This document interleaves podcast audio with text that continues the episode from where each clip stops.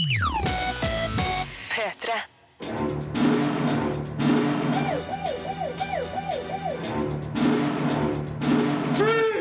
Filmpolitiet!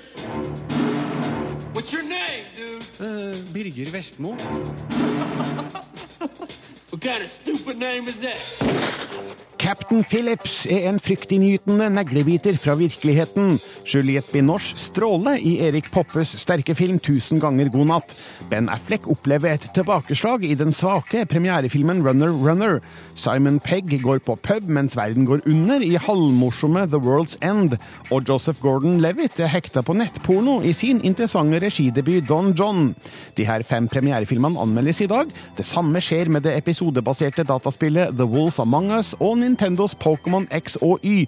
Og vi har sett første episode av Marvel-serien Agents of Shield, som starter på norsk TV førstkommende mandag. I tillegg skal regissør Erik Poppe fortelle hvorfor han måtte ut av Norge for å lage 1000 ganger god natt. Men den første filmen som anmeldes i dag, er kaprerdramaet Captain Phillips med Tom Hanks, Filmpolitiet. Everything okay? I don't like the look of that. They're coming in fast. Tom Hanks spiller hovedrollen i Captain Phillips, som handler om en gisselsituasjon utenfor kysten av Somalia. Men det er ikke bare kapteinen som er i knipe. Filmen gjør òg meg til gissel gjennom to gnistrende timer. Dette er nemlig en thriller med en ekstrem nerve og overhengende følelse av fare. Regissør Paul Greengrass holder meg i et jerngrep, mens han overvelder sansene mine med skremmende inntrykk. Det er lenge siden jeg har følt frykten så tilstedeværende på kino.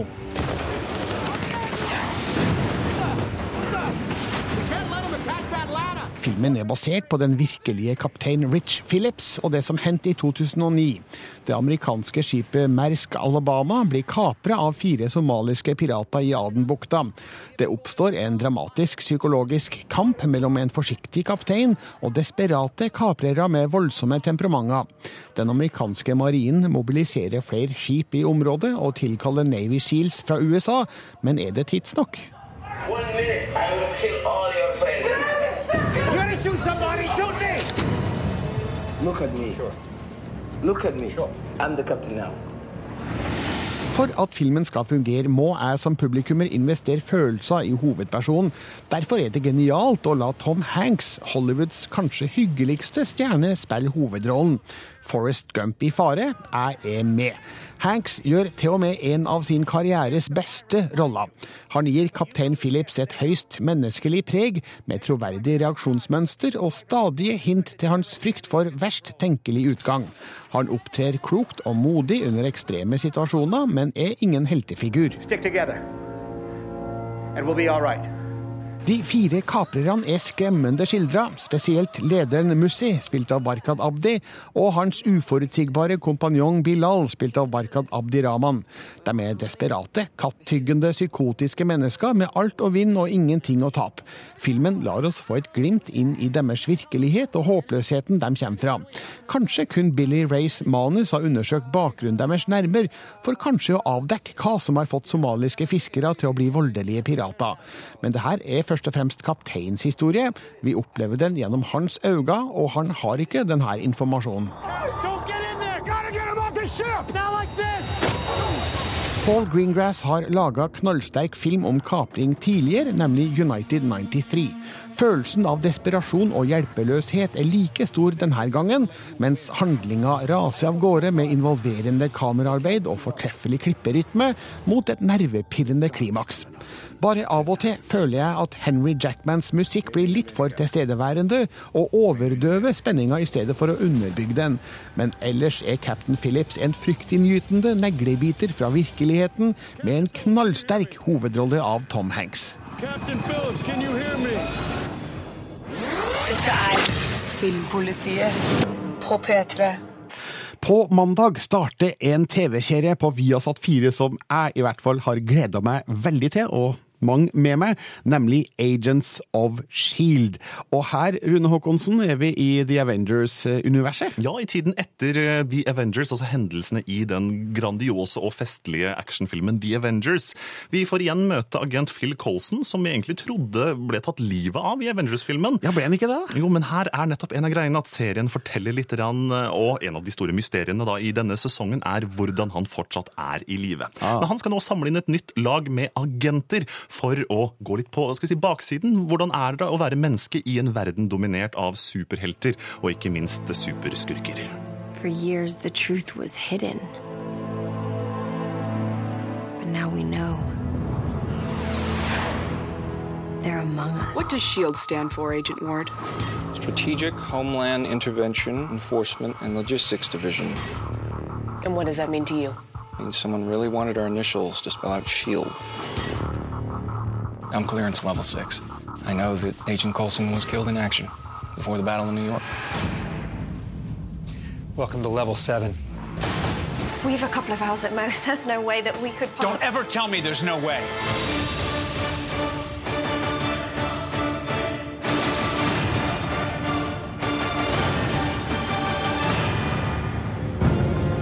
All right. Ja, det høres jo tøft ut, men er dette Marvel-film i TV-ruta? Der må jeg faktisk stoppe og si nei, det er ikke det. For uh, man kan jo tro at den enorme produksjonskvaliteten vi så i The Avengers-filmen nå kommer til TV-ruta.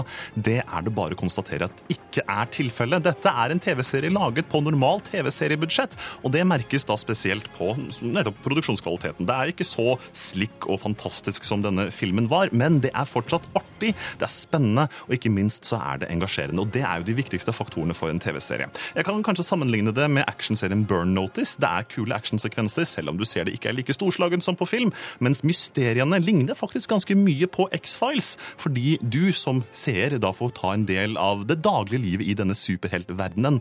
Hvordan menneskene opplever det at alt dette skjer rundt dem. Og, og, og dette perspektivet på hele Marvels uh, Avengers-univers er kjempekult. Uh, og det gir også utrolig mange muligheter til å veve inn kjente historielinjer fra filmene vi har sett på kino de siste åra. Det har jo vært veldig morsomt å se Clark Gregg som agent Colson eh, i Avengers-filmene. Hvordan er han som hovedperson? Og han er en helt fantastisk hovedperson. Jeg er veldig, blitt veldig veldig glad i Clark Gregg som skuespiller. Og når han da kommer tilbake som eh, Colson, agent Colson i Agents of Shield, så er det uten tvil en, en, en, en skal vi si, ankeret i hele serien. Rundt seg så har han et ganske ferskt lag med ukjente skuespillere som i hvert fall i da pilotepisoden, den første episoden jeg har sett, bruker litt tid på å, å finne sin rette plass i serieuniverset. Mens uh, Agent Colson er der fra første stund. Og jeg mistenker nok at de første episodene vil bruke litt tid på å etablere de andre figurene som vi ikke kjenner fra før. Men uh, vi kan jo si at Clark Gregg virkelig fortjener denne rollen, og jeg tror at vi kan jeg, jeg skal være så, så tøff å si at jeg tror Agents of Shield får en ganske lang levetid som TV-serie. Men er det sannsynlig at Thor, Iron Man og de andre Avengers-heltene gjør innhopp her? Det håper jeg virkelig det er. Foreløpig så er fjerde episode sendt i USA, så det er en ganske fersk serie også i amerikansk sammenheng. Men vi vet at i episode to så dukker Samuel L. Jackson opp som Director Fury og har en liten cameo, så det åpner jo for veldig mange spennende innhopp i de andre filmenes historielinjer. Og smakebiten man får i første episode, gir meg lyst til å se mye mer. Jeg gleder meg i hvert fall. Takk, Rune Håkonsen. Agents of Shield starter mandag klokka 22 på Viasat 4. P3. Why did you start taking pictures of war? Anger. Are you still angry? Oh, yes. Regissør Erik Poppe ryster og beveger meg med sin siste film. 'Tusen ganger god natt' er en nydelig filma historie med sterke emosjonelle krefter og Juliette Binoche i en solid og overbevisende hovedrolle. Figurens handlinger vekker både undring og beundring. Hennes sterke engasjement imponerer like mye som hennes vilje til å ofre familielivet gjør meg forbausa. 'Tusen ganger god natt' engasjerer òg meg, og den viderefører Poppes sterke og klare filmatiske stemme. I hope it was worth it. The picture. Fotoreporter Rebekka, spilt av Binoche, overlever en bombe i Kabul og reiser hjem til familien i Irland. Der blir det klart at ektemannen Markus, spilt av Nicolai Coster Waldau, har fått nok av konas stadige reiser til farlige konfliktområder på bekostning av familielivet. Forholdet til dattera Steff, spilt av Lauren Canny, er òg anstrengt, og Rebekka forsøker å løse problemene. Men er det for seint? I want people to choke on their coffee when they open the paper and see and feel and react. That's what I want. Det kan være vanskelig å forstå Rebekkas vilje til å utsette seg sjøl for fare i fotojournalistikkens tjeneste, spesielt med tanke på hva det koster dem der hjemme. Det her syns jeg ikke fordi det er spesielt problematisk at det er mor som ofrer hjemmekosen. Jeg har generelle vansker med å forstå både menn og kvinner som risikerer liv og helse for å formidle inntrykk fra konfliktområder. Erik Poppe og Harald Rosenløv Egs manus makter å sannsynliggjøre Rebekkas engasjement, samtidig som det belyser konflikten mellom hennes yrke og kjærligheten til familien. Juliette Binoche spiller strålende som kvinne revet mellom to virkeligheter. Dessuten imponeres jeg av unge Lauren Cannys rolle som ung og sårbar, men viljesterk datter. Nicolai Coster Waldau har en litt mindre takknemlig rolle som den misfornøyde ektemannen i heimen. Og her nærmer jeg meg det jeg anser som filmens eneste problem, nemlig at familieskildringa ikke overbeviser. Mor, far og barn virker i liten grad prega av om lag 15 års felles historie. Jeg forstår jo at mor ofte har vært fraværende pga. jobbvirksomhet, men noe intern dynamikk bør de likevel ha klart å opparbeide seg. Derfor fremstår de i perioder som en liksom-familie. Rebekka foretar valg i filmen som det kan være vanskelig å forstå for enhver som ikke er eller har vært krigsfotograf. En forsoningsreise til Kenya med dattera utvikler seg til å bli et hårreisende krasj mellom jobbrollen og morsrollen. Jeg blir sittende og lure på hva som skal til for at Rebekka slutter å tenke bilder. Før rulleteksten får vi òg svaret på det i en sjokkerende, men sober sekvens som sitter på netthinna lenge etter filmens slutt. Dette er Filmpolitiet på P3. Filmpolitiets Andreas Hatzel Opsvik har intervjua Erik Poppe, som altså er premiereaktuell med 'Tusen ganger god natt', en film om dilemmaet mellom den store engasjerende jobben som krigsfotograf ute i verden, og være med familien hjemme. Her kan du høre hele intervjuet på 25 minutter. Med, med såpass store temaer, de store og de små, som, som treffer hverandre, Um, hvordan jobber en for å balansere slikt? Det er viktig for meg å holde hodet klart på hva som er liksom, den sentrale tematikken i filmen. Da. og det er rett og slett en, uh, en som er ute i verden og på en måte brenner for å gjøre en jobb som hun kjenner at hun er også god på, og som gjør at hun klarer både å redde folk og i beste fall også klarer å endre en konflikt eller endre en situasjon for mange mennesker. Og så har hun på den annen side også de der hjemme som hun elsker og er glad i. I dette tilfellet da liksom to barn og en mann. Og så prøver hun å leve det livet så lenge hun kan. Og sånn sett så Fram til den dagen hvor hun kommer i situasjonen hvor hun nesten må velge, da. I dette tilfellet så er det jo uh, først og fremst den eldste datteren som uh, ikke lenger klarer å leve med dette, rett og slett. Som sliter med denne moren som er ute i verden, og tar disse sjansene for å redde disse andre barna, mens hun er hjemme. Det er på en måte filmens grunntema. Og når jeg først liksom tenker at det er den jeg bygger det rundt, så vil jeg også prøve å få fram ting som jeg syns er Gi meg en mulighet da, til å løfte fram denne filmen her. Jeg har på en måte både vært livredd for og ikke ønsket å lage det man kan kalle for en viktig film å se. Som handler om viktige ting. Det er ikke film altså Det er ikke noe jeg nesten får lyst til å gå og se selv. Jeg vil jo gå og se en film som er sterk, som berører meg, og som liksom setter litt fyr i noen følelser inni meg og får meg til å begynne å undre og tenke litt. Det syns jeg er deilig. Og det vil jeg med denne filmen.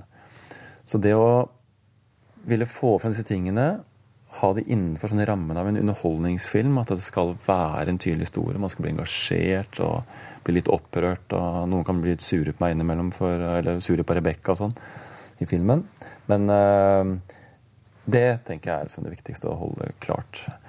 Og når, andre, når, jeg putter de andre tingene inn, så er det for at det er de tingene jeg engasjerer meg i. Uh, når hun er en krigsfotograf ute i verden, så kan jeg bruke det til å kanskje si noe om noen av de konfliktene og stedene jeg har vært, For jeg syns verden ikke er noe særlig opptatt av. sånn.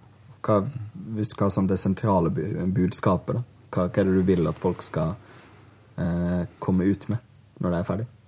Jeg tenker eh, Jeg har valgt en lysere slutt enn jeg har hatt på de andre filmene. Eh, en mer åpen slutt. Eh, men ikke en sånn happy ending heller. Sånn at åh, bra, nå kan vi glemme dette. nå, dette løser seg. Jeg ville ha en slutt som gjør at du går ut av salen og, og, og føler deg stille sidemannen eller de du går sammen med. Liksom, hva, hva, tror du det gikk til slutt? Altså, øh, Slutter hun, eller hva, hva velger hun, på den måte? Det er helt åpenbart at hun velger, og at hun forsøker noe, men at slutten er litt uh, er litt fristende å fundere på og lure på. da. Så uh, jeg vil rett og slett at uh, folk tenker på um, hva man ville gjort i en sånn situasjon selv. da.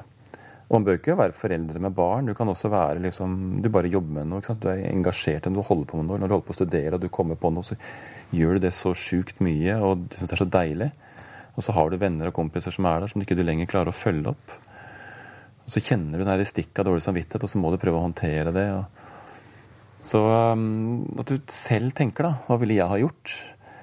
At Rebekkas situasjon ikke er så veldig annerledes. Eh, at det ikke skal være så vanskelig å gjenkjenne seg i. Det var en sånn vet en uh, ung lege her som uh, overvar en av visningene for et par dager siden. Det, det er den første visningen vi har nå, lukket, vi bare viser for folk. Og, og for henne, det var historien om henne. Eh, hun, hun, kjente seg igjen i det dilemmaet, i den utrolig umulige situasjonen. Oppslukte den og kommet fram til det yrket, nettopp begynt å jobbe, syns det er helt sykt spennende. Eh, klarer ikke å følge opp familien eller vennene hjemme i Oslo. Eh, og du har sagt at du ikke syns det er noen andre som har klart å skildre den jobben troverdig? Var, var, det en, en del av det? Ja, En av de viktigste sånn, sånn, sånn sideambisjonene jeg hadde, en veldig uttalt ambisjon, var at eh, jeg ble definert for alle som skulle være med på det prosjektet, og gjøre det, og inklusive Juliette, som skulle spille hovedrollen, og alle, at mitt mål, ramme, er at vi skal fortelle dette så troverdig og ekte at de som er ute og gjør dette på ordentlig, de krigsfotografene og, og korrespondentene og folk som er der, kan si at for aller, aller første gang så har jeg sett en film som faktisk sier noe om hvordan jeg egentlig har det. At De andre filmene er gode, det er underholdningsfilmer, jeg har ikke noe mot dem, men de sier egentlig ingenting om hvordan det er journalist. De bare som romantiserer det. Denne filmen sier virkelig noe om hvordan det er. Det som er det ekte dilemmaet, liksom. Og det dilemmaet er jo ikke hvordan du klarer å overleve og være ute i en, en krigssone. Det synes jeg personlig selv ikke er det vanskeligste. Det lærer man seg til. Det har jeg lært meg til.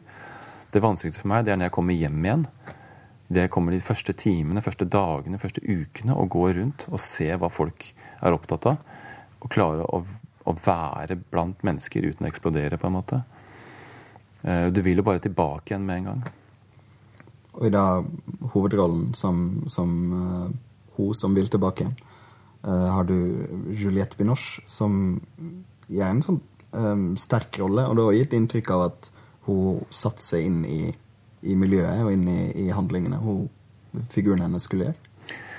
Ja, øh, jobbe, når jeg først valgte å ville jobbe med henne, øh, så var det også fordi at jeg visste øh, og så at hun var en skuespiller som vil trenge dypt dypt inn i en karakter for å gjøre det på ordentlig.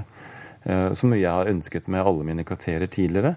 Når jeg jobbet med Dusinene, så ville jeg at Pål Sverre Valham Hagen, som da skulle spille den organisten, måtte lære seg å spille et kirkeorgel, selv om han bare hadde tolv uker på å gjøre det. Natt og dag måtte han sitte og spille det orgelet og lære seg det med en instruktør når han ikke var låst inn på Ila landsfengsel.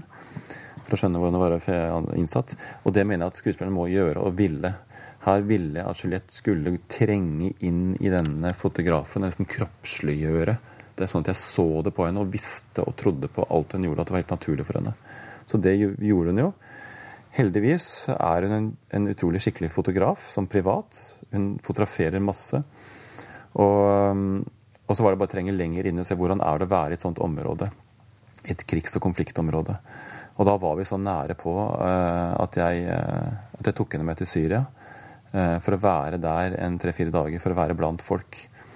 Og vi var på vei, hvis ikke det var for at forsikringsselskapene stoppet oss i tolvte time og sa at hør her, det blir ikke noe av. Det tar vi ikke sjansen på kunne hovedrollen din ikke ha vært like engasjert? Hadde det, hadde det blitt den samme filmen, type film, da? Selv selv om jeg hadde vært gode til å på en måte ta instruksjoner og jobbe sammen med deg, men Ja. må en ha den, det engasjementet, da? Det syns jeg er et godt spørsmål. god problemstilling. Hadde det blitt det samme? Jeg tenker eh, Jeg er ganske sikker på at det var, viktig, det var- det var viktig for meg at hun skulle være engasjert. Det merker jeg. Altså at det er eh, det engasjementet uh, som gjør at du får det dilemmaet enda tydeligere, da. Så jeg syns jo eh, at hun skulle være engasjert. Og for å få det til, så måtte skuespilleren også forstå det og være like engasjert. Så hun satte seg, Juliette satte seg inn, og er jo nå så engasjert i journalisters eh, yrkes eh, arbeidssituasjon der ute nå i felt, i krigsområdene. Eh, blitt det privat. Så mye gikk hun inn i det, liksom. Og så mye gikk hun inn i, i, i situasjonen nede i Kongo eller situasjonen i Afghanistan, da vi filmet. Hvordan folk har det. At hun har jo blitt liksom veldig ivrig. Og da synes det på nytt også på lerretet. Du tror på henne, tenker jeg da. I flere av filmene dine eh, så har du hovedroller som er ikke nødvendigvis den, den gode, altså ikke den, den mest sympatiske eh, personen i verden. Og hvorfor, hvorfor velger en eh, denne typen figurer som, som hovedpersoner? Fordi å fortelle disse filmene som jeg holder på med, det er jo å avdekke noe av meg selv. Eh, Jeg graver jo ned i møkka mi innerst inne. Nå sier jeg dette til deg som jeg ikke har sagt til den andre på en måte.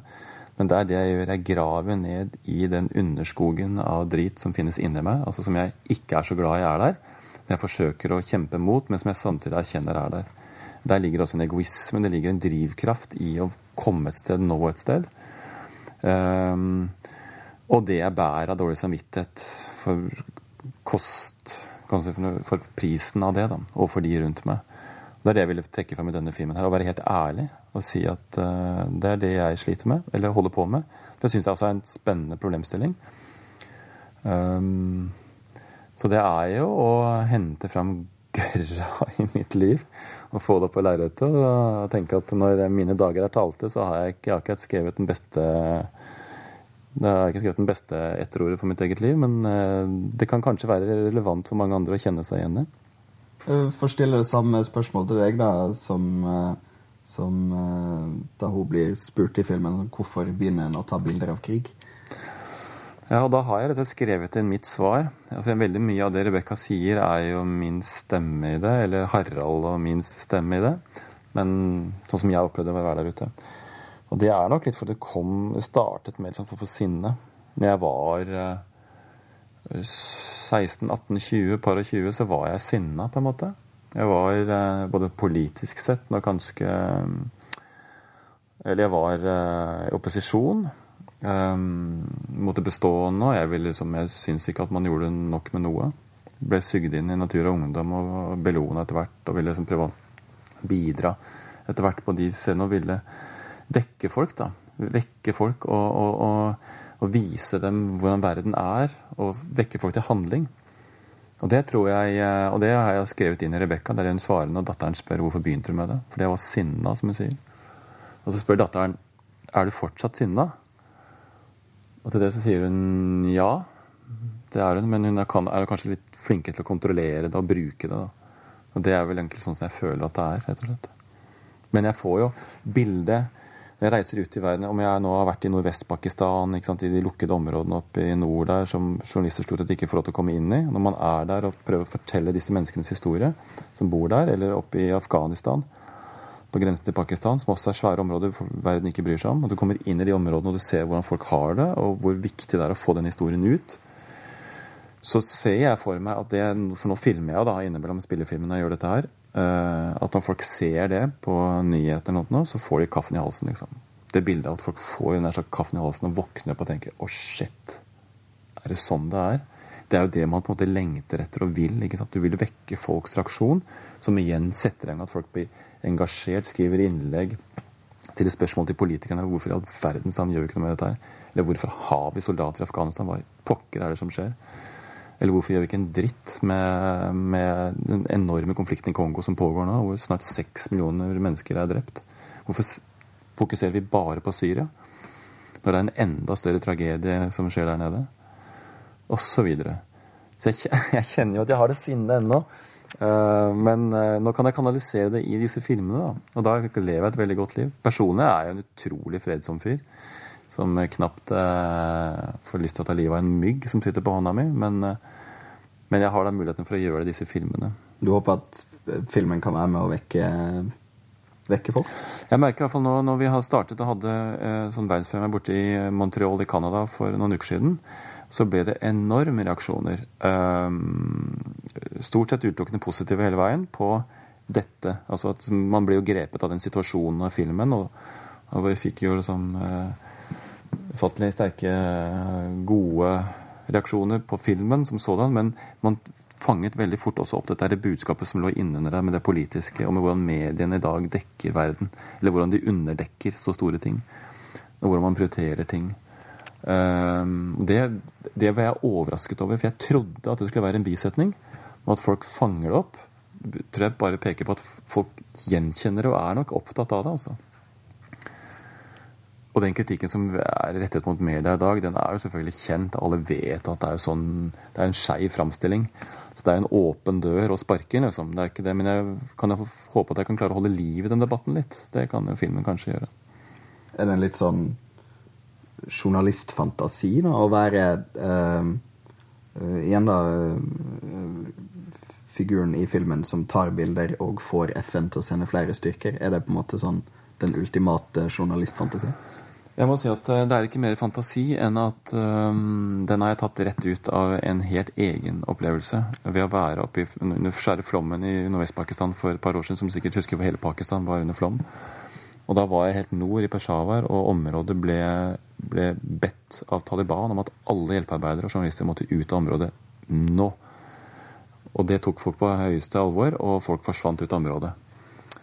Um, vi ble igjen, uh, Nico og jeg som var der, uh, i dekke av uh, en organisasjon. Um, og fikk være der, og gikk ut og kom ut i områder hvor vi da oppdaget at det var vi var det nesten 100 000 flyktninger, afghanske flyktninger, som var i en svært område, som overhodet ikke fikk hjelp eller noe som helst. Og de døde i fluer.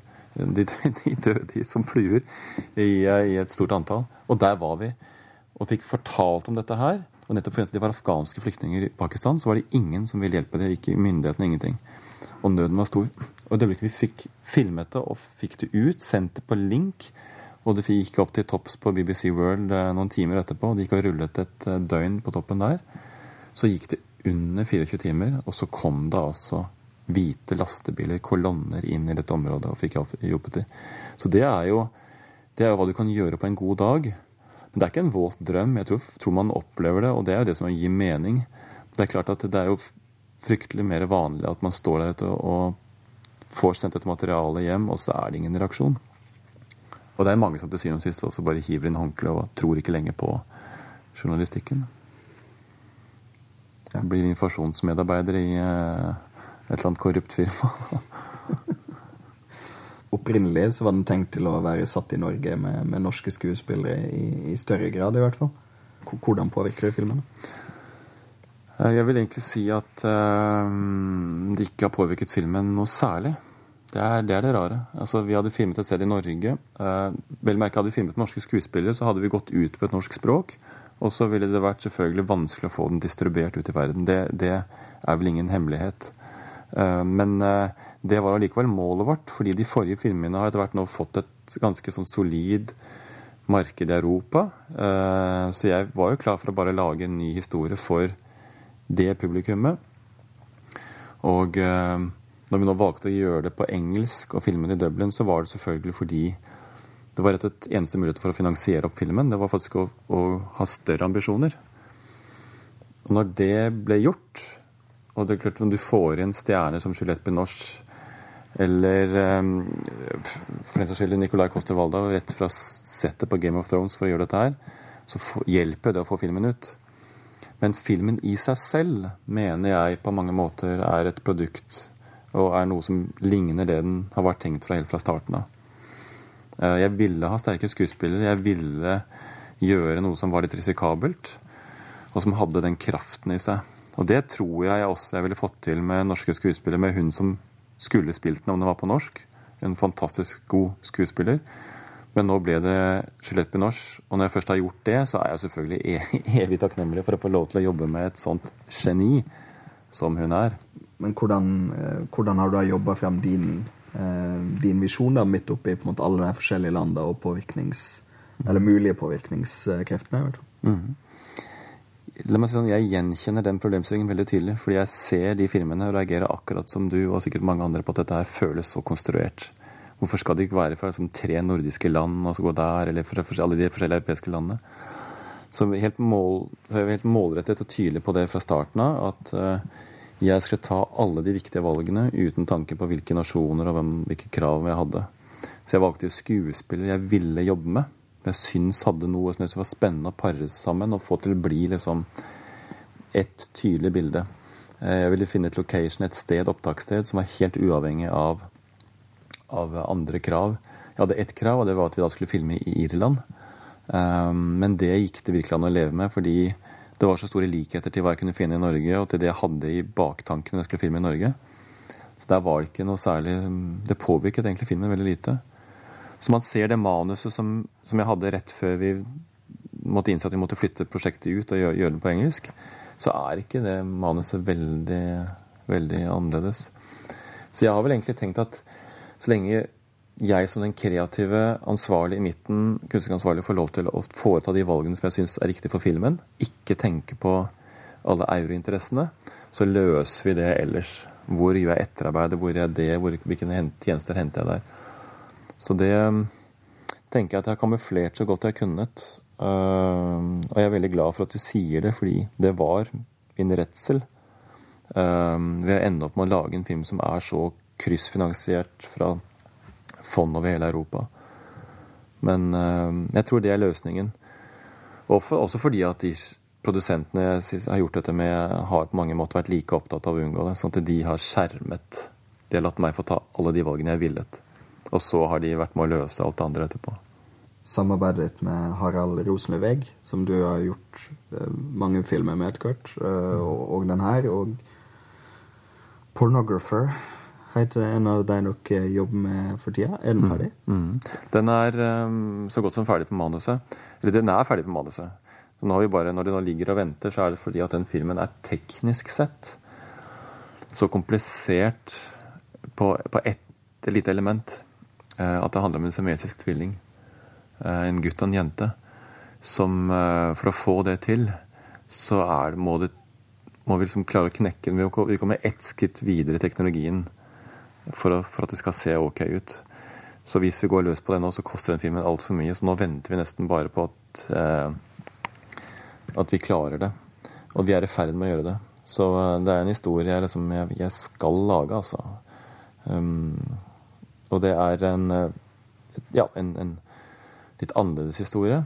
Eh, når vi har presentert den for eh, de som eventuelt skal være med å finansiere den, bl.a. en amerikansk produsent, så er jo alle ekstremt hissige på å få gjort det prosjektet. Så jeg har lyst til det. Jeg har lyst til å si at det er det neste jeg skal gjøre, men det er det ikke. Det vil nok ta enda en film eller halvannen til før jeg får gjort den, tenker jeg. Hva er, du skal ta elevator pitchen da, som du leverer til den amerikanske produsenten på den filmen. Ok. Gi meg 20 sekunder, skal vi høre. Uh, det er Vi er i Kristiania 1850. Det er en ung fotograf som jobber uh, med å fotografere på et bordell for hun som driver bordellet. Av disse kvinnene hennes som hun selger. Det er sånn tidlig pornografi, egentlig. Nakne kvinner. Uh, og så skjønner at han, skal, at han kan tjene penger som bigeskjeft ved å ta enda sterkere bilder, mer utagerende bilder, og gjerne av folk uten armer og sånt noe. Det er et marked for det. Og da kommer han over denne, dette unge um, denne siamesiske tvillingen. Som viser seg å være en kvinne, en jente, og ut av ryggen hennes vokser broren. Um, og de uh, skal han først begynne å ta bilder av og utnytte, så etter hvert så får han en relasjon til de. Og det blir en kjærlighetshistorie som gjør at eh, når plutselig verden oppdager de og vil ha tak i de og sånt noe, så må han beskytte de, og så må han rømme med de. Så det er en, eh, en fabel, men det er en deilig historie. Og den kom på en måte litt sånn til meg en natt, altså. Uh, og når jeg da serverte den for Harald, og han reagerte like mye, så har vi skrevet på den og hatt stor glede av den, egentlig. Er, det sånn du får en idé. Du, det var mer enn 20 sekunder. Det var mer enn 20 sekunder, men det tror jeg skal gå bra. Men er, det sånn at du med du og, og Harald Rosenløveng? Er det sånn at du kom på en idé, kaster den til han, han kaster den tilbake, han kommer på en idé, osv.? Ja, det kan det være. Men det skjer også at Harald kommer opp med at det er han som serverer noe, ja. Så vi diskuterer tilbake. Men vi har funnet et arbeidsforhold som er veldig ålreit. Han presser ikke ting på meg. Han skriver for det som jeg da skal lage. Uh, og det er utrolig fint. Det er nesten hemmeligheten. sånn at det, han, han, forsvarer jo ikke de gode ideene sine. Altså Hvis jeg allikevel ikke responderer på det, for jeg ser det er ikke der vi skal være, så søker han hele tiden i sitt indre landskap og legger ting fram, og vi jobber sammen. Og det at vi dikter sammen, er jo kanskje egentlig hemmeligheten. Um, det har vært, har vært hemmeligheten nå. Nå har vi også trukket inn en, en tredjeperson, Jan Trygve Røyneland, som kom fra Filmskolen. Som også er en liten perle av en skatt som, som vi har trukket inn i dette som gjør at vi nå nesten er som sånn treenighet. Uh, og det er deilig med litt sånn friskt blod inn i dette, denne lille familien vår. Men det handler på mange måter om å, at én må trekke retningen og si det er dit vi skal. Uh, og det mandatet har jeg i den utviklingen. Men uh, han det er jo han som på en måte får dette til å bli de historiene det blir, tenker jeg da. Jeg vil gjerne være ikke bare så sjenerøs, men også ærlig og si at at eh, Harald er på en måte det som Guds gave til meg i mitt filmforfatterskap. Og sånn til slutt um, Er du fornøyd med filmen du har lagd? det er som sagt et ubeskrivelig Ja håpløst spørsmål å svare på. Uh, om jeg er fornøyd med den, må jeg selvfølgelig si ja, jeg er fornøyd med den. Uh, og uh, nå har Variety eller noen, eller noen der kalt det for mitt hovedverk, og kanskje er det det. Fordi det er det mest personlige jeg har gjort, og det vanskeligste jeg har gjort. Og så også kanskje det mest ambisiøse jeg har gjort. Uh, har jeg så lykkes med det? Mm, jeg har i hvert fall lykkes med å være mer personlig enn jeg noensinne har vært. Ja, jeg er fornøyd. Jeg er, jeg er fornøyd, veldig fornøyd med filmen. Um, og det jeg ikke føler jeg fikk tid til, eller det jeg ikke fikk til denne gangen, det er vel det jeg trekker med meg i neste prosjekt, som gjør at jeg raskt får lyst til å gå løs på enda en ny film. Så får vi se om vi sitter her om um, to-tre år og om jeg er blitt noe klokere av den grunn. Regissør av 'Tusen ganger god natt', Erik Poppe, ble intervjua av Andreas Hatzel Opsvik. P3. P3. You have a real gift. I want you to make this place proud. But gambling is forbidden on campus. I owe 60 grand tuition due next week, and that's if I don't eat. Change your tune, or you won't have a school to pay for. Justin Timberlake, Gemma Arterton, Ben Affleck. Gambling, penger, luksus, svik og bedrag. Alt skulle ligge til rette for en jackpot av en film. Men bordet fanger. Handlinga fenger ikke. Lite står på spill, og figurene er uinteressante. Det hjelper ikke at Timberlake er lett å like, han har for lite å spille på her, mens Affleck gjør en overraskende likegyldig figur som slem gamblingkonge. Det her gjør at Runner Runner skuffer stort. Richie first. This is the house. The house? The house. Richie First, spilt av Justin Timberlake, føler seg lurt i et pokerspill på et nettsted drevet av gamblingkongen Ivan Black, spilt av Ben Affleck. Han oppsøker Black i Costa Rica for å klage personlig, og ender opp med å jobbe for han. Store penger lokker. Det samme gjør Blacks vakre kollega Rebecca, spilt av Gemma Arterton. Men Richie får etter hvert mistanke om at Black bedriver en lyssky virksomhet som kan komme til å slå negativt ut for han sjøl. Call me Agent Shavers. The FBI's into the kidnapping business now? You work for me. What are you talking about? Det starter for så vidt bra. Richies vei inn i Blacks indre kjerne i Costa Rica setter tonen for noe som kan bli interessant. Det er store penger i omløp, og luksusen flommer. Man skulle tro at figurene hadde mye å miste, men det virker ikke som de helt bryr seg. De virker blaserte og overfladiske. Sjøl Richie, som skal være midtpunktet, går seg vill i egen moral, slik at jeg på ett tidspunkt slutter å sympatisere med han når filmen trenger det som mest. Justin Timberlake har stadig en frisk appell med sin nabogutt-karisma, men han greier ikke å heve figuren over nivået på manuset. Det utløses et slags trekantforhold mellom Richie, Rebecca og Ivan Black, som aldri når den nødvendige temperaturen. Gemma Arterton spiller greit som gamblingvertinne med samvittighetskvala, men de gryende følelsene mellom hun og Richie blir bare bakgrunnsstøy. Og Ben Affleck opplever her et trist tilbakeslag som skuespiller. Hans tolkning av Ivan Black er et tomt skall, uten noe som vekker interesse. Det er som om Affleck sjøl ikke tror på rollen han spiller. This is your job. Runner Runner ville kanskje bli en slags moderne Scarface eller Goodfellas, men bak det pene ytre fins det lite å elske. Figurene er ikke gode nok, og utviklinga i handlinga har lite nytt å komme med. Alt er sett før, bare bedre. Regissør Brad Furman skal ha uttalt at han mista kontrollen over produksjonen, mens Ben Affleck henta inn en ny klipper for å redde stumpene. Det greide de dessverre ikke.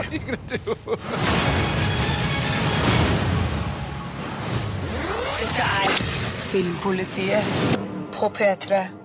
Det skal handle om Pokémon her i Filmpolitiet. For, eh, for en uke siden kom Pokémon X og Y til Nintendo 3DS, og har allerede solgt fire millioner eksemplarer på verdensbasis. Helt sjuke tall. Men Rune Håkonsen og Andreas Opsvik, er ikke dere for gamle til Pokémon? Du, det er jo overhodet ikke. Bare hør på det her. Vika, vika, Vika, Vika! Vika, Vika! Vika, vika, vika.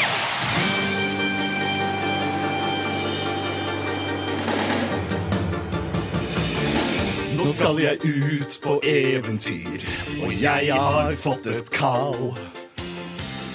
Fange noen rare dyr som bor inni en skall. Pokémon! Pokémon! What the hell? OK, Gotta catch them all, vet du, Birger. Gotta catch them all. Ja, dette var jeg helt uforberedt på. Eh, Nydelig sang, gutter. Veldig bra. Ja, men er ikke Pokémon you know for kids? Jo, men altså, jeg, jeg forstår innvendingen. Om man ser det fra utsiden, så har det kanskje en litt sånn barnslig framtoning, noe man tenker er for de aller minste. Men så begynner man å spille litt selv, og så blir man fanget av hele opplegget hvor du må samle, du vil få det til, du vil klare alt. Og jeg er en som ikke har spilt så mye Pokémon i mitt liv, men ble likevel fanget inn i hele dette universet en gang til med Pokémon X og Y. Og jeg har spilt Pokémon i hele mitt liv, eh, omtrent. eh, i hvert fall. Det føles i hvert fall sånn. Eh, Og jeg kan absolutt, eh, kan absolutt bifalle Rune sin, sin mening. Men hva er det som fenger med Pokémon X og Y? Det er jo først og fremst at det holder seg veldig tro mot spillseriens gamle kjerne. Det har holdt på siden 1996. Eh, Grunnpremisset er uendra, og denne skal vi si, suksessoppskriften finner vi også i Pokémon X og Y nå i 2013. Men det som trekker litt ned og kanskje gjør at det er vanskelig for helt ferske nybegynnere å, å komme inn i denne verdenen, er for det første at det er ganske komplisert system. Det er mye å lære seg, og måten spillet presenterer det på, er eh, komplisert og uoversiktlig, mener jeg. Eh, Og i tillegg så er også skal vi si, dialogen og teksten som den er skrevet, utrolig dårlig. eh, Noe som kan skape en ganske høy barriere. Mens jeg som har spilt det en stund, jeg tenker denne dialogen det, det, er jo sånn den er. Det er sånn den alltid har vært. da. Eh, Så for meg er det nesten litt sånn nostalgisk når da det her figuren i spillet sier sånne rare setninger som aldri ville blitt sagt i virkeligheten. Men viktigst av alt så er det jo så at eh, de nå da beholder den gamle kjernen, men legger til nye elementer. Det er mange nye Pokémons å fange som du har lyst til å utforske. Og i tillegg så er det også lagt til det de kaller noen nye utviklingsnivåer, så du kan trene og leke med Pokémonene dine i mye større grad enn tidligere, og, og få de til å bli sterkere i kamp. Og det er jo det viktigste når du skal kjempe mot fiender og andre spillere. Ja, men ærlig talt, er det ingen som føler et stikk av guilty pleasure-syndrom en gang når man setter seg ned og skal spille Pokémon? Pokémon er Det er så blotta for guilty pleasure i hjernen min at du aner Altså, jeg kan, jeg kan Guilty pleasure er noe jeg forbinder med, med sex og singelliv. Pokémon, det er utelukkende pleasure. Og for min del, da, som ikke har spilt så mye Pokémon før, så, så gikk jeg jo inn med litt sånn rynkete nese, men må si at jeg ble ø, fra meg av begeistring og har allerede brukt mange timer. Så vi kan jo si at Pokémon X og Y er et vanvittig tidssluk, selv med sine ja, skal vi si, noen mindre gode kvaliteter. Takk, Rune og Andreas. Det vil si Kan jeg få høre sangen om igjen? Selvsagt! Nå skal jeg ut på eventyr, og jeg har fått et kall. Å fange noen rare dyr som bor inni en ball. Reiser over land og strand, ut på evig jakt. La Pokémon se det går an å bruke deres makt. Pokémon fanger alle for deg og meg. For det, for det er jo det jeg må. Pokémon, du min beste venn. På vår jord vi elsker dem. Pokémon fanger alle. Og så videre. Og så videre. Og så videre. Det her blir rett inn på A-lista til P3.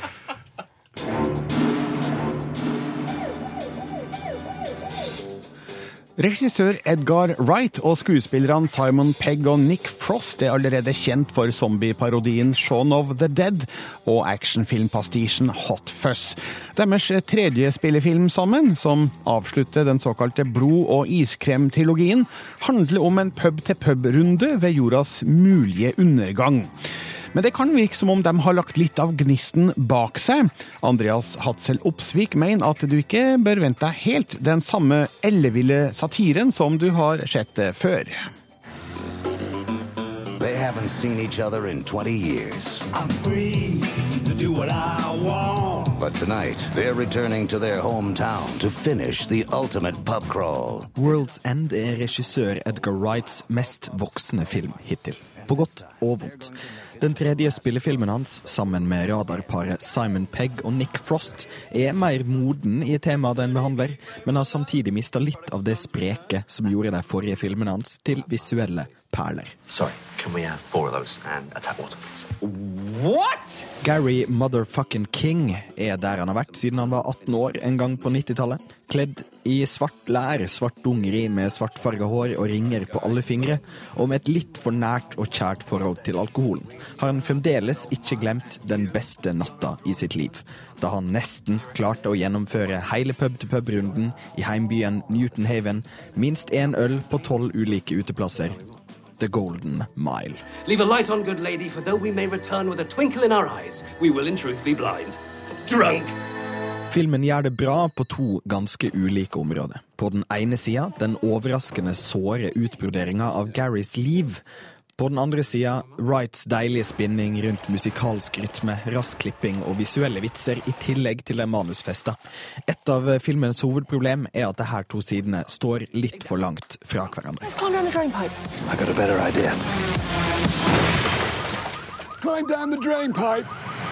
Gary framstår i sitt eget hode omtrent som en helt i en middelaldersaga. Han refererer bl.a. til kong Arthur, mens de rundt han ikke helt skjønner hvordan han kan glemt at han begynner å nærme seg 40 år. Gjengens gradvise årgang fra stivskuldra bekjente til gamle kamerater er fornøyelig beskrevet. Welcome home, boys.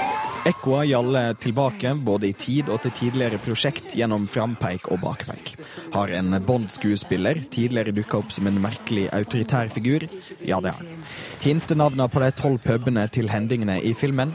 Jepp. Er den perfekt utvalgte, herlige 90-tallsmusikken mer enn bare catchy bakgrunnsstoff? Yes. Grunnleggende er nok World's End litt for lang, og det er tydelig at regissørene har blitt litt for glad i koreografert nevekamp. Minst én kunne ha blitt kutta uten særlige problemer. Avsløringa mot slutten lukter òg mer av tung overforklaring enn skarp satire, men veien dit er morsom, om ikke like rent parodisk som andre filmer fra samme HV. World's End er ikke like god som de to forrige, men den viser glimtet av det som gjør Edgar Wright så spennende. Kraften til å leke med etablert sjangerfilmhistorie, mens han samtidig overrasker så. We are gonna get the world's end if it kills us. Oh no. The world's end.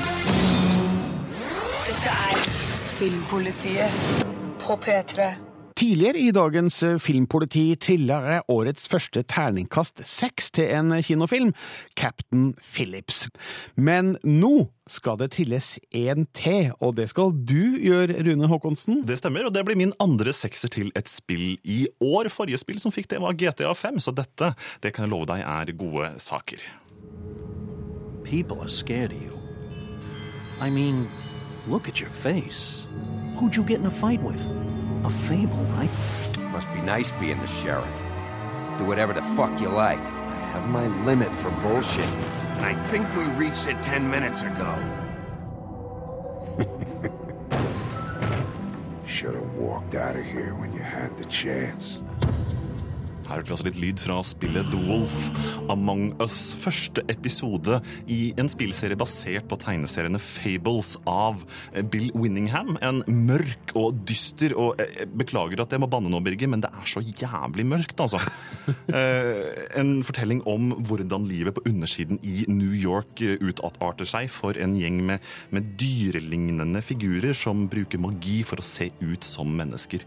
Det er så skittent og dystert, men det er en fortelling som griper fatt i deg og drar deg inn og ikke slipper deg før du er helt ferdig. Er det den gode historien som fenger deg mest, eller er det spillopplevelsen? Ja, Det er begge deler. Den gode historien kjenner i hvert fall jeg da fra tidligere, eh, fra eh, tegneserien Fables. Og det er viktig å understreke at man ikke trenger noe forkunnskap for å kunne spille The Wolf Among Us. Men det er også måten spillet har tilpassa denne eh, skal vi si, omfattende universet inn i en, i en, en spillbar form.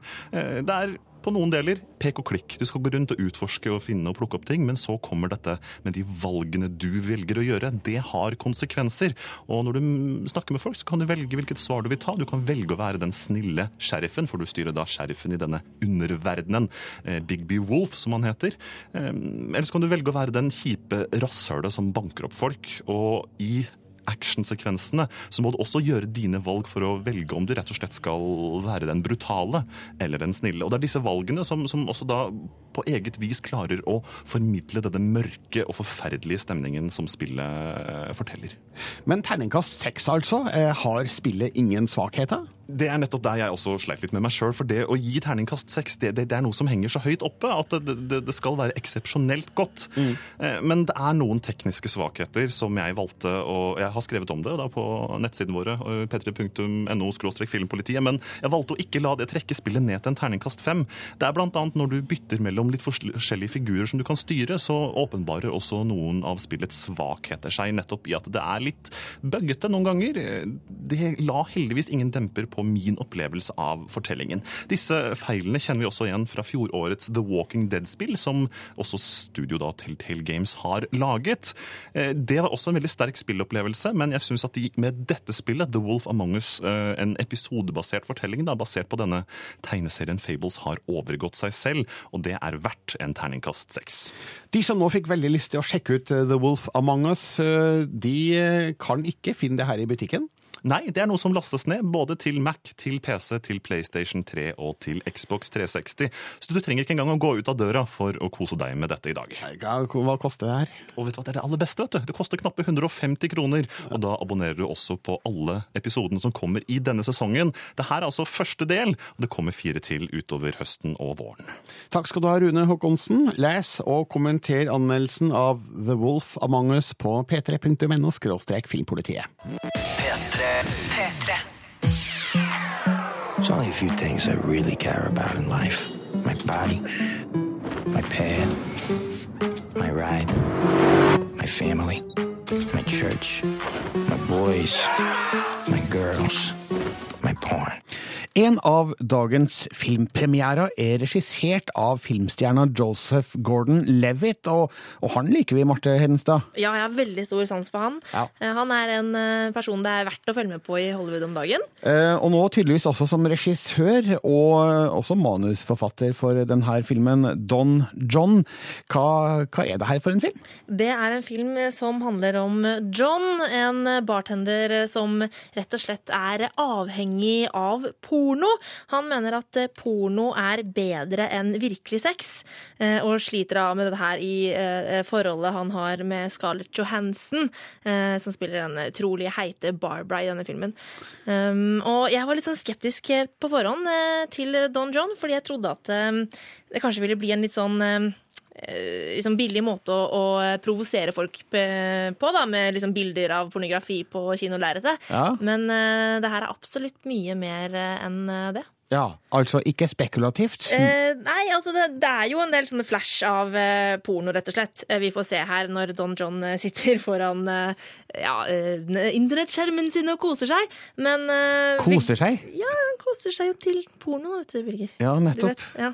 Eh, Men vi går litt dypere inn i materien her, fordi filmen setter fokus på at det faktisk er folk som er avhengig av porno, og at det ikke alltid er like sunt, da, det type seksualitet, det, det bildet pornografien har på seksualitet eh, og sex. Eh, Så jeg var litt sånn usikker på forhånd, men når jeg ser den nå, så ser jeg at det er mye, mye mer dypere greier her, og etter hvert i filmen så møter også Don John en eldre dame som lærer han litt om hvordan eh, sex og elskov virkelig bør være. Baby. What are you doing? I was just reading emails. No, you weren't. She caught me watching porn. That's it? Right? Oh! How do you watch that? How do you watch all the stupid movies that you watch? Movies and porno are different, John. They give awards for movies. They give awards for porn too. Du har altså Joseph Gordon-Levitt, Ja. som spiller en fyr som heller vil sitte foran eh, dataskjermen og se Ja. porno, enn å ha seg med Scarlett Johansson. nei, altså, han vil veldig gjerne ha seg med Scarlett Johansson også, eh, så han, han har mye sex, eh, men han må på en måte gå og ha seg med internett etterpå. Da. Han vil ha mye mer av porno. Han syns det er bedre med porno enn virkelig sex. Men Ja. det er selvfølgelig et Med Scarlett problem. Johansson. Ja, det kan du Syns det her høres helt eh, tullete ut. Ja, det, det, altså, det høres jo helt tullete men det er jo faktisk eh, en virkelig ting at folk er avhengig av porno, og at uh, folk uh, tror at den type sex man ser på porno, er sånn som det bør være og er i virkeligheten. Da. Og det er jo ikke alltid riktig. Jeg skal slutte å flåse nå, altså. Eh, si filmen eh, noe om moderne parforhold? Ja, det vil jeg faktisk si at den gjør. Um, det er jo ikke helt Det er litt sånn dysfunksjonelt, det forholdet Don Eller han heter jo ikke Don John, det er jo kallenavnet, men det han har med Scarlett Johansson. Um, og det sier også litt om eh, altså hvordan seksualitet er viktig i et forhold. Um, men det er mest dette med pornografi som filmen har fokus på. Konklusjon, Marte. God film. Absolutt en veldig god film. Eh, Jeg tror kanskje ikke det er eh, filmen for de aller sarteste sjelene. Det er kanskje noen som vil synes at det blir litt voldsomt, men eh, anbefaler virkelig Don John. Den anmeldelsen kan du se, lese og kommentere på p3.no filmpolitiet. Jeg heter Birger Vestmo og ber deg gjerne sjekke ut nettsidene våre, p3.no filmpolitiet. Der finner du anmeldelser, intervjuer og andre ting om film, spill og serier. God fredag, og deretter helg. Dette er Filmpolitiet med Birger Vestmo. Birger Vestmo. Hør flere podkaster på nrk.no podkast. P3.